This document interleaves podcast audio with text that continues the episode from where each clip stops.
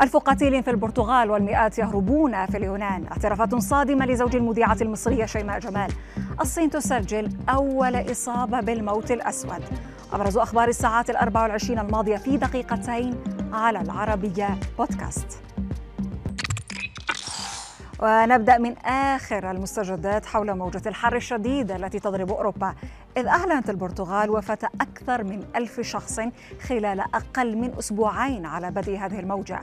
وفي اليونان اندلع حريق في غابات آه، بسبب رياح عاتية في الجبال قرب العاصمة أثينا. ما أجبر المئات بما فيهم مرضى المستشفيات على الإجلاء. هربا من النيران والدخان.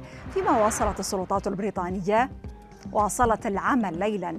ونهارا لإصلاح قضبان القطارات التي تأثرت بسبب الحرارة التي تجاوزت 40 درجة مئوية للمرة الأولى في تاريخ البلاد.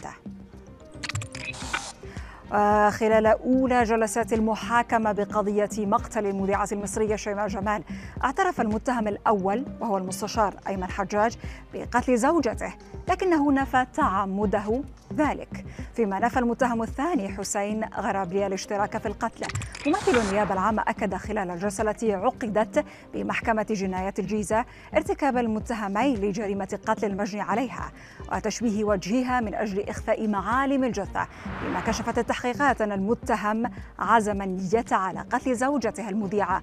كما اتفق مع المتهم الثاني على ذلك وخطط لاستئجار مزرعة ودفنها فيها بعد قتلها.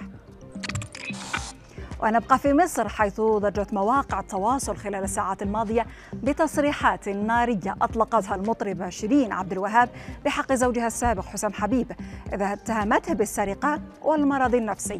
وفي المقابل حبيب لم يصمت طويلا إذ أكد برسالة صوتية نشرها موقع ايتي بالعربي أكد فيها أنه سيتخذ اجراء قانونيا مدعما بالوثائق التي تثبت تعرضه للابتزاز والتهديد من قبل شيرين قائلا إنه في الفترة الماضية لم يكن يتحدث حفاظا عليها وعلى بيتها وسمعتها لكنه أصبح مضطرا الآن للحديث في ظل ما جرى مؤخرا.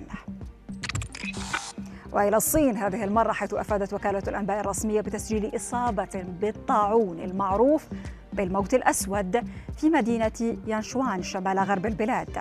الوكالة نقلت عن مصادر مطلعة قولها إن المصاب عاد إلى المدينة من منطقة مانغوليا الداخلية ذاتية الحكم دون الإدلاء بأي تفاصيل أخرى عن الحالة.